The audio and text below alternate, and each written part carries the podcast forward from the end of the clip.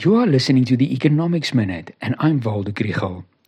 There's nothing like a weekend of stage 6 load shedding to wake up everyone about the problems at Eskom.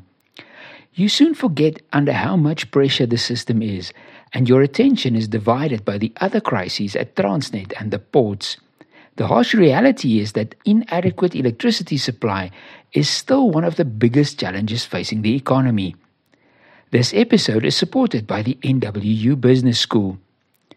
Rather than talk about what stage 6 load shedding is costing the economy, I want to ask what about the bigger plan?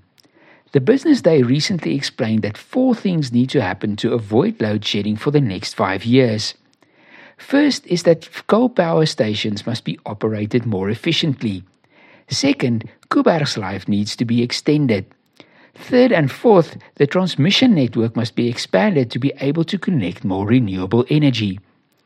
The coal stations are currently producing 54% of their installed capacity, and it seems unlikely that Eskom's target of 60% will be reached by March next year.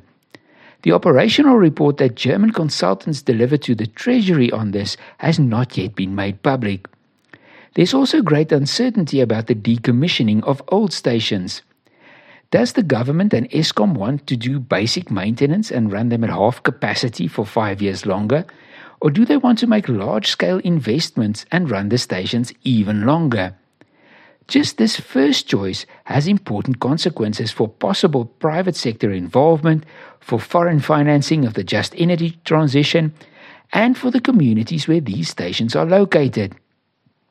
In terms of the transmission network, things are moving very slowly. The Cabinet only recently accepted the Just Energy Transition Investment Plan. Also, it looks like bid round 7 for renewable independent generation will not take place this year. So, progress is unfortunately slow, and sometimes we even take a step back when the spectre of large gas resources looms.